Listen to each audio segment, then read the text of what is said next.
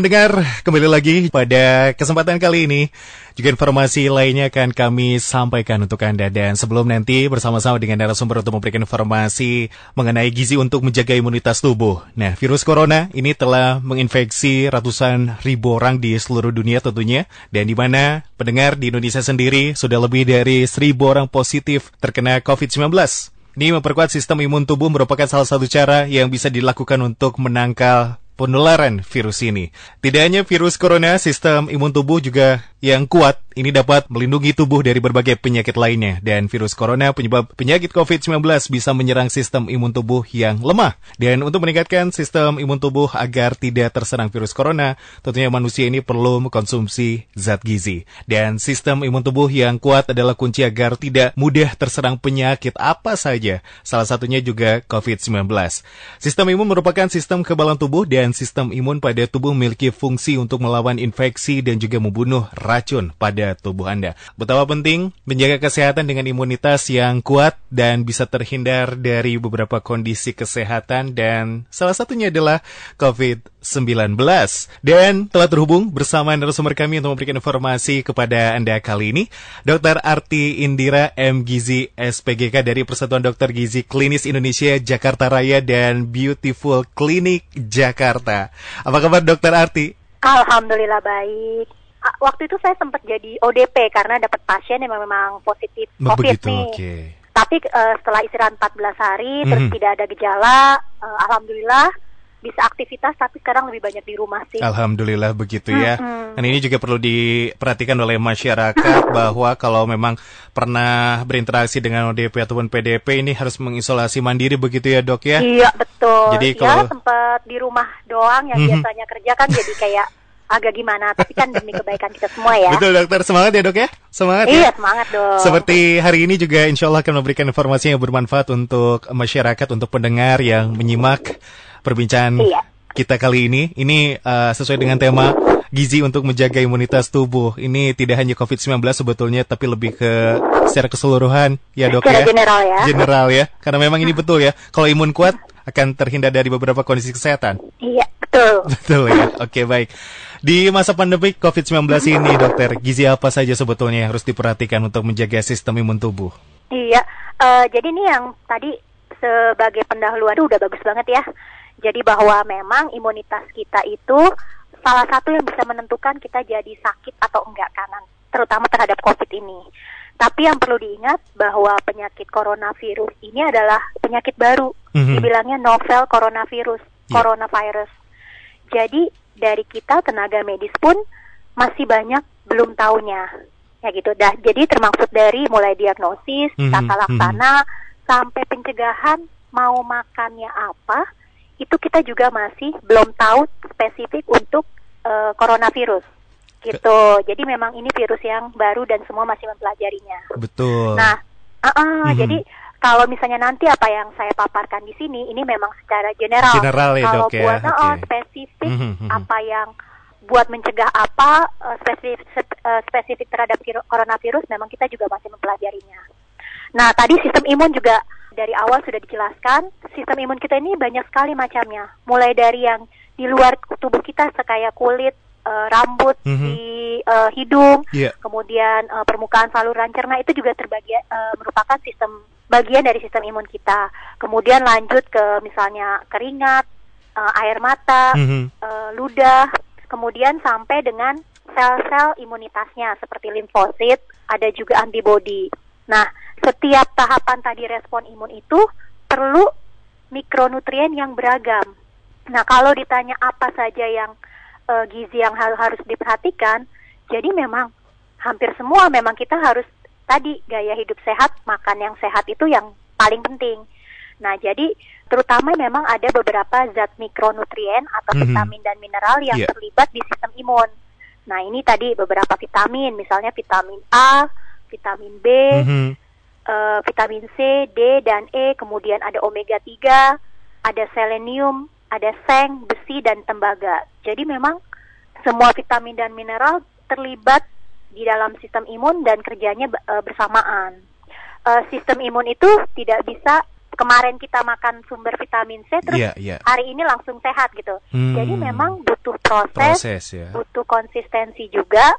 Eh, makanya kalau masyarakat yang dulunya nggak pernah makan sehat, sekarang makan sehat dan mengharapkan langsung kebal, istilahnya menghadapi COVID, ya nggak bisa juga gitu. Jadi memang butuh proses untuk membangun sistem imun yang baik. Begitu ya. Ini Mm-mm. kondisi yang menarik yang disampaikan oleh dokter bahwa memang eh, mengenai kondisi COVID ini sebelum terjadi ya dari pola makan, kehidupan eh, juga kurang sehat, terus tiba-tiba ketika wabah ini menyerang seluruh dunia tiba-tiba ini berubah drastis 180 derajat akhirnya menerapkan pola hidup yang sehat. Terus yang makan Iya. juga sudah teratur dan pengen instan begitu supaya kebal dan imunnya kuat. Padahal Iya. dalam hal ini butuh proses juga ya, Dok ya.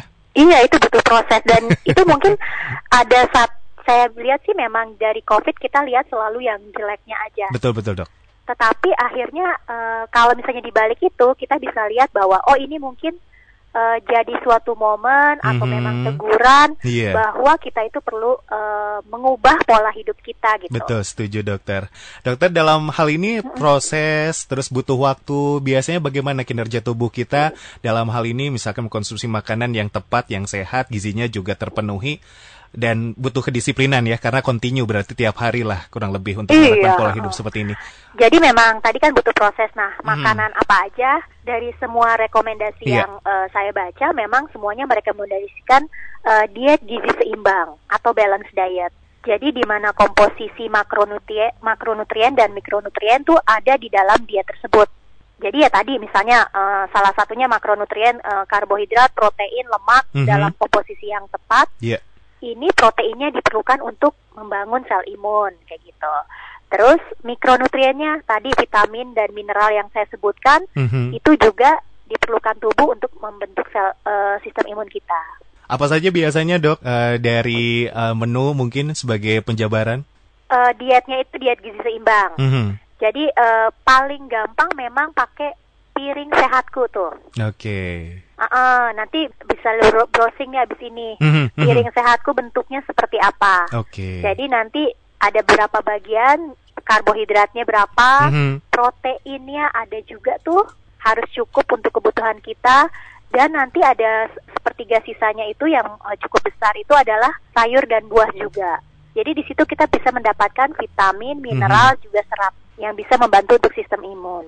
Dok, kalau kondisi misalkan ada yang seperti ini juga teman saya yang pola makannya masih random ya dok ya tidak diperhatikan, tapi dia pengen sehat akhirnya ditekankan atau dilengkapi dengan multivitamin. Dokter, kalau kondisi yang seperti itu bagaimana dok?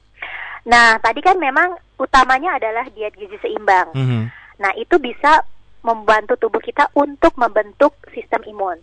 Tapi untuk mengoptimalkan sistem imun kita, memang kebutuhannya itu di atas nilai angka kebutuhan gizi. Jadi kan setiap bahan makanan atau sumber bahan makanan itu ada eh, referensinya berapa Iya, nih? iya. Misalnya vitamin C, angka kebutuhan gizi atau AKG-nya atau biasanya kalau di eh, buku luar negeri itu RDA Mhm, mhm. itu eh, misalnya 75 sampai 90 mg untuk dari vitamin C. Nah, sebenarnya kalau kita makan buah misalnya apa nih yang paling sering kalau misalnya dari vitamin C keingetnya? Jeruk Pasti pasti. orang jeng- ngomongnya jeruk ya. Iya. Itu di dalam jeruk itu vitamin C-nya udah sekitar 50 mg. Hmm. Jadi bisa dua jeruk sebenarnya udah dapat nih Oke. angka kebutuhan gizi standarnya nih, basicnya. Mhm. Atau misalnya yang yang paling sering kita sebut juga jambu biji tuh. Itu bisa sekitar 80-90 mg vitamin C. Jadi udah cukup dong. Nah, itu udah cukup untuk membentuk sistem imun. Tapi mengoptimalkannya memang harus ada eh, sedikit di atas nilai eh, AKG tadi. Oke. Ah, ah, jadi misalnya vitamin C itu sekitar boleh 1000 sampai 2000 mg. Hmm. Nah, kalau misalnya makan jeruk manis, berarti kan dari yang tadi jeruk vitamin C 50 mg mesti berapa mesti berapa jeruk yang kita min makan kan ya?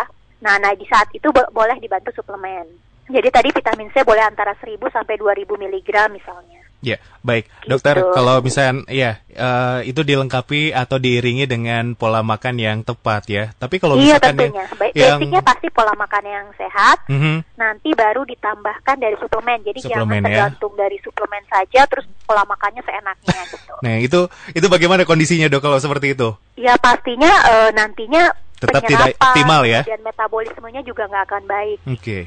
Dokter, tadi sedikit eh, menggambarkan bahwa salah satu kebutuhan yang harus dipenuhi adalah vitamin C. Dokter, kalau ada yang tanya begitu ya, dok, ini vitamin sebetulnya yang paling baik untuk tubuh dan untuk imun itu vitamin apa? Tadi juga dokter sebetulnya di awal sudah menyampaikan bahwa saling berkaitan dan saling melengkapi ya dok ya vitamin Iya, ini ya. betul. Tapi kalau ada yang nanya seperti itu, bagaimana jawabannya dok? Vitamin apa yang paling Kalau bagus? di masa pandemik ini sih Iya. kita ambil yang minimalnya aja ya. Jadi nggak nggak cukup vitamin C aja. Oke. Jadi mesti dilengkapin temennya vitamin C apa? Biasanya sama eh, zinc gitu. Jadi itu juga dilengkapin untuk membantu pembentukan sistem imun. Kemudian juga biasanya yang standar itu adalah vitamin D. Vitamin D itu eh, sangat membantu untuk pembentukan eh, sistem imun kita dan juga untuk Mhm. fungsi-fungsi lainnya juga cukup banyak. Jadi minimal dari itu dulu deh. Jadi ya tetap harus ada bantuan dari teman-temannya begitu ya dok ya, jangan iya, dominan. jadi nggak bisa vitamin C itu kerja Betul, sendiri. oke. Diharapin eh, vitamin C hanya sendirian untuk Baik. menghadapi virus COVID eh, corona ini Iya, ya iya. akan berat sih kasihan vitamin C-nya.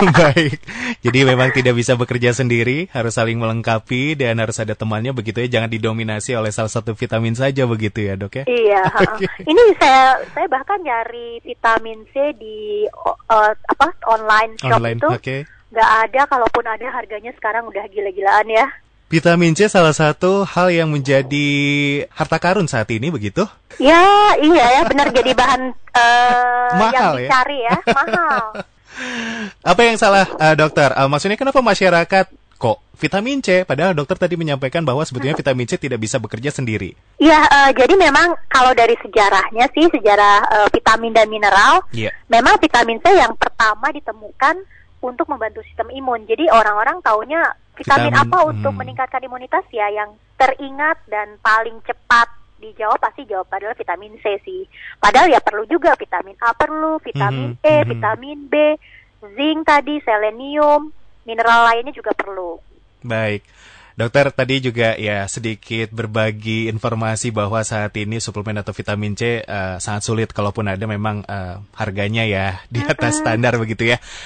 Dok, kalau misalkan ada masyarakat yang kesulitan, katakanlah juga jeruk juga, aduh susah atau mungkin ya harganya juga le- mahal. Ada ide lain begitu yang memang bisa dilengkapi dengan vitamin C apa, dokter? Mungkin sebagai gambaran yang murah dan mudah didapat? Ya tadi buah-buahan yang mengandung tinggi sumber eh, vitamin C. Oke. Eh, jambu biji bisa di Mhm. cabai hijau ada juga loh vitamin Wah, C-nya. itu bisa Itu tuh ya. sekitar 80 mg. Mhm. Di pepaya, brokoli, kemudian di jeruk manis itu bisa menjadi sumber vitamin C. Ternyata banyak pilihan lain. Ya, Banyak, heeh. memang utamakan dari bahan alami dulu nih. Iya, iya, iya. Nanti buat mengoptimalkannya boleh ditambahkan suplementasi. Baik. Eh, dokter, kondisi saat ini agak sedikit paranoid memang ketika kondisi kesehatan mulai terjadi di dalam tubuh. Eh, meriang, panas dikit, demam dikit, tenggorokan gatal, dan lain sebagainya. Mungkin diminimalisir karena kalau dicek ke dokter juga takut. Apakah eh, mengenai vitamin ini juga bisa membantu untuk memperbaiki kondisi tubuh dalam artian imunitas ini ditambah misalnya lebih kuat untuk melawan virus yang masuk, dokter? Iya. Jadi kalau misalnya tadi ya berarti ini kasusnya udah sakit ya. Oke. Misalnya udah masuk virus. Mhm, mhm. memang pada eh, dari kasus-kasus yang masuk eh, laporan kasus nih gejala pertama itu adalah anosmia. Anosmia itu eh, tidak bisa mencium bau makanan. Jadi kan pasiennya biasanya tidak selera makan ya. Iya, jadinya begitu oh, ya. oh, Mhm. jadi padahal kondisi tersebut kalau udah nggak mau makan, eh, lihat mak- eh, bau makanan aja nggak selera, imunitasnya juga akan semakin turun kalau nggak mau makan. Mhm, mhm. Uh, uh, jadi kalau misalnya eh jadi bukan bikin parno ya, iya, iya. sudah mengalami gejala awal tadi anosmia dan tidak selera makan. Mhm, Nah, sebaiknya jangan terlalu diturutin. Tetap mhm. aja pola makan sehat, kemudian meningkatkan asupan sayur dan buah. Kalau bisa ditambahkan suplementasi, nah itu paling tidak bisa membantu untuk mengurangi keparahan dari COVID-nya tadi. Oke. Atau kondisi lain yang mirip begitu ya, Dok ya? Iya, kondisi lainnya. Sepertinya eh, secara prinsip sih hampir sama. Mhm, Tapi mhm. memang banyak yang kita tidak ketahui mengenai eh, novel coronavirus Baik. ini gitu. Ya, sama-sama tenaga medis juga tenaga kesehatan ini masih dalam proses untuk mempelajari begitu ya untuk Iya, menemukan sama di seluruh dunia nggak hanya Indonesia gitu. Baik. Kita juga saling sharing info dari eh, dokter-dokter lain Iya, di iya. eh, seluruh dunia juga. Mhm. Infonya sama. Kita juga ma- sama-sama belum tahu dan sedang mencari tahu. Dokter selama pandemik ini eh, dari masyarakat secara keseluruhan apa yang selalu ditanyakan? Eh, Ya Pertanyaan-pertanyaan tadi apa? mesti eh, makan apa nih, suplemen Oke. apa yang mesti diminum kalau misalnya kita pengen eh, kuat melawan COVID. Itu Oh. paling sering Oh, ditanyakan. begitu ya dok ya? Oh, oh. padahal eh, kalau dari pasien-pasien kita lihat pasien COVID, memang ada beberapa orang yang beresiko nih eh, terkena COVID dan Mhm. kalaupun terkena akan lebih parah. Tadi ya salah satunya orang yang lanjut usia ya. Iya. Kemudian sudah ada faktor komorbidnya. Misalnya eh, ada diabetesnya, ada hipertensi, ada penyakit jantung dan lain-lain. Dan semua penyakit ini kan sebenarnya dasarnya adalah pola hidup yang tidak baik kan. Ya, Kemudian jadi- dari laporan kasus pun eh, Mhm. banyak kasus yang terjadi pada pasien yang overweight atau obesitas. Jadi tadi balik lagi kita harus punya berat badan tubuh yang normal Mhm, biar mhm. eh, imunitas kita juga eh, optimal. Baik. Kemudian makannya juga yang diet gizi seimbang. Dan jika kita eh, dan jika bisa baru ditambahkan suplementasi. Itu yang bisa dilakukan Mm-mm. begitu ya dok ya. Dok, eh, ini mungkin sedikit informasi atau belajar dari eh, kejadian salah satu pasien positif, selebriti ataupun public figure, Andrea Dian. Eh, ini kan nampaknya dari lifestyle-nya sehat ya dok ya, tapi Iya, memang ada betul. gangguan, eh, kalau tidak salah imun ya. Dok, kalau karakteristiknya tubuhnya sama seperti Andrea Dian ini memang harusnya seperti apa kalau olahraga tidak cukup?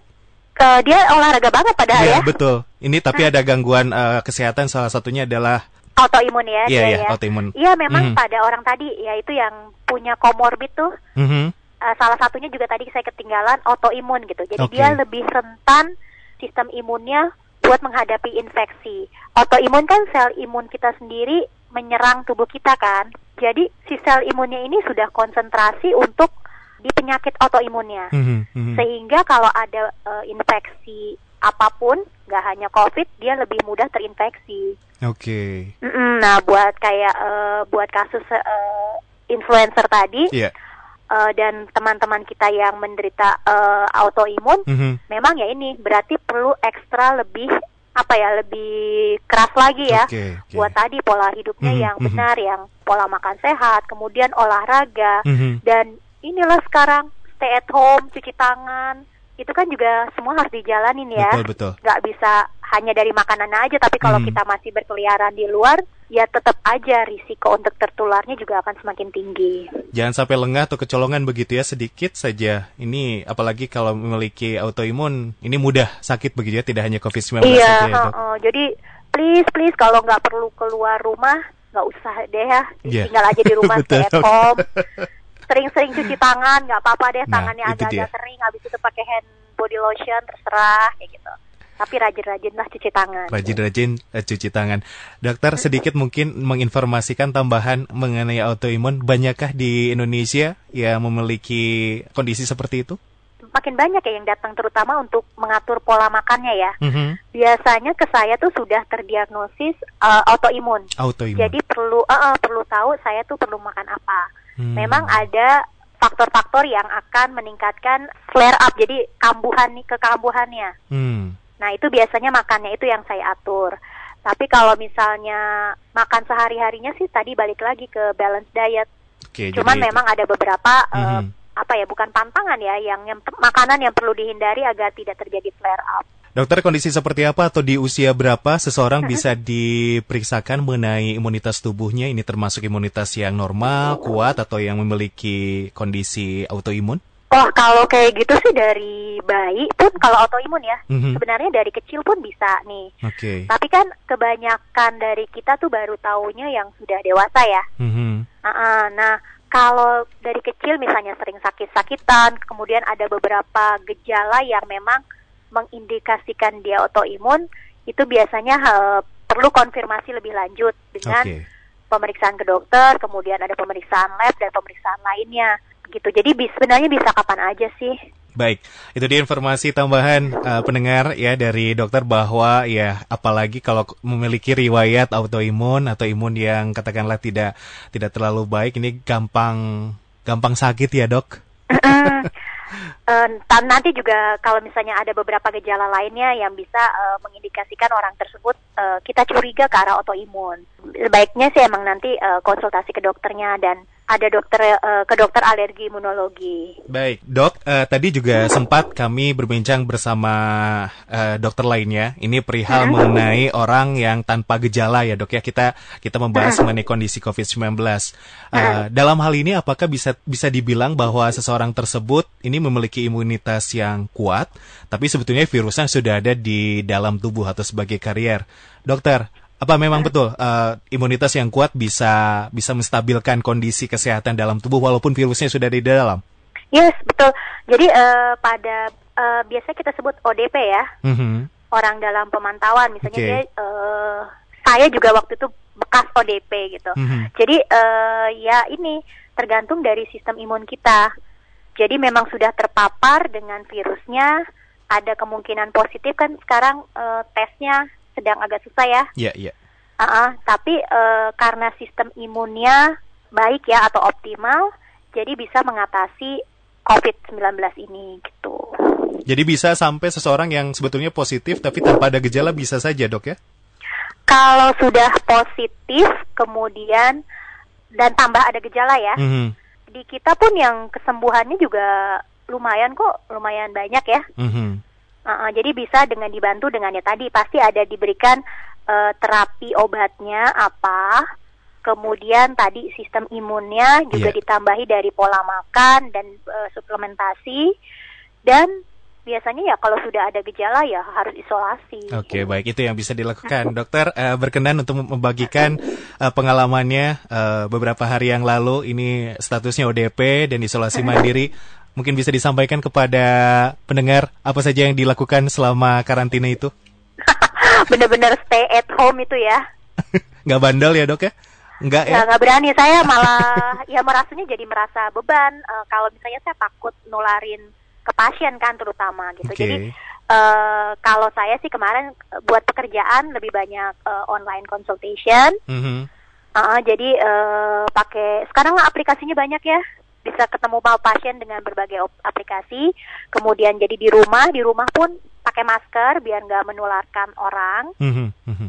uh, Alhamdulillah sih kayak saya kemarin dapat uh, eh, rapid test, jadi udah tes negatif. Oke. Okay. Uh, cuman buat hmm. mengulangnya lagi belum dapat lagi kan memang kalau negatif itu pada hari pertama mesti diulang lagi kan? Iya, yeah, iya, yeah, iya. Yeah. Uh, nah, ada tapi nah itu belum dapat lagi. Selanjutnya. Uh, cuman alhamdulillah memang nggak ada gejala, nggak ada batuk, nggak ada demam, nggak ada ya. uh, sesak. Nah, jadi di rumah tetap makan yang sehat. Tiap kali makan usahakan selalu ada sayur. Kemudian buahnya sehari dua kali. Tiap makan pun ada sumber proteinnya. Proteinnya boleh apa aja, ayam, ikan, daging, mm -hmm. tahu, tempe, uh, hewani nabati dan saya sih memang menambah suplementasi karena buat mendapatkan uh, imunitas yang optimal. Baik, terima kasih dokter telah berbagi. Ini penting sekali untuk disampaikan karena yang ditakutkan adalah stigmatisasi ke masyarakat yang saat ini memang sangat sensitif ya. Kalau berbicara mengenai COVID-19, apalagi kalau sudah diberikan status ya ODP, PDP, karena masih banyak masyarakat yang belum paham mengenai status itu. Uh, iya, yang yang saya agak sedih sih boleh boleh. Uh, boleh sekalian sharing ya. Boleh silakan ada, dokter. Ada yang berita kalau misalnya uh, beberapa perawat di salah satu rumah sakit besar di Jakarta itu yeah. seperti terusir dari tempat kosnya. Betul betul. Karena yang punya kosnya itu saking takutnya mm-hmm, menulari mm-hmm. orang gitu. Padahal pastinya sebagai seorang perawat dia pun sudah tahu caranya bagaimana yeah. agar orang lain tidak tertular gitu. Ya sedikit ini ya. Stigmanya ya. Stigmanya. Kasihan. oh, oh, jadi ya pasti bingung dong orang lagi masa gini dia mau nyari kos di mana. Agak sedikit miris kondisi saat ini iya. di masyarakat ya memang sekali lagi uh, butuh uh, informasi yang benar-benar karena ini gemburan informasi yang tidak tepat atau tidak benar juga banyak ya didapatkan oleh masyarakat. Mitosnya banyak banget. Setiap minggu itu terutama di gizi uh, pasti ada gosip baru. Mulai dari misalnya apa dok? Apa dok? Ah, Apa? gosipnya mitos Hmm, ya. hmm, apa? Misalnya kunyit itu malah berbahaya. Jadi, Kunyit eh, berbahaya. Oh, oh, Oke. kurkuma ya. Hmm, hmm, hmm. eh, golongan kur- kur- kurkumin itu. Jadi tidak boleh eh, dikonsumsi. Jadi yang tadi empon-emponan padahal dulu tadinya semangat banget jadi pada nggak jadi kayak gitu. Kemudian salah satu permen jadi sebut merek maaf ya nggak apa-apa. Boleh eh, sil- silakan informasi. Strepsil. Strepsil itu dianggap bisa membantu untuk mencegah penularan COVID. Nah, jadi banyak kan macamnya. Mhm. Kemudian beberapa buah kan sempat hilang dari peredaran Hmm, hmm. karena dipercaya bisa menghindari dari COVID gitu. Itu apa dok? Jadi hmm, Buah apa?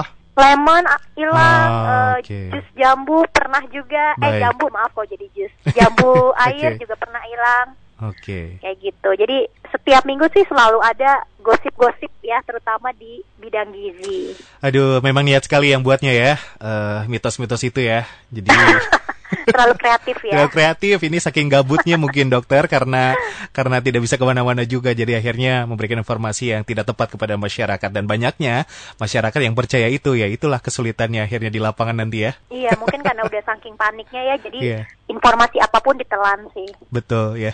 Oke baik.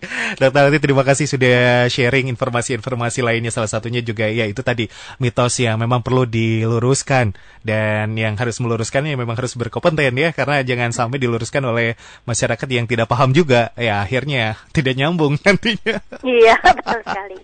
Oke, Dokter Arti sebagai uh, penutup terakhir menyampaikan closing statement yang disampaikan kepada pendengar. Silakan, Dokter. Iya, saya Dr. Arti Indira, spesialis gizi klinik.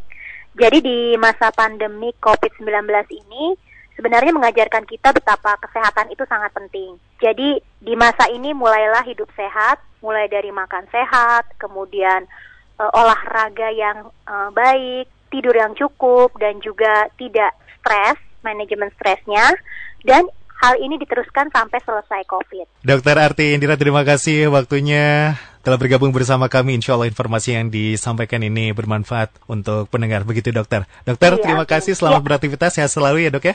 Iya, terima kasih. Sama-sama, Salam dokter. buat semua ya. Siap. Waalaikumsalam. Nanti disampaikan Dokter Arti Indira M. Gizi, SPGK dari Persatuan Dokter Gizi Klinis Indonesia, Jakarta Raya dan Beautiful Clinic Jakarta.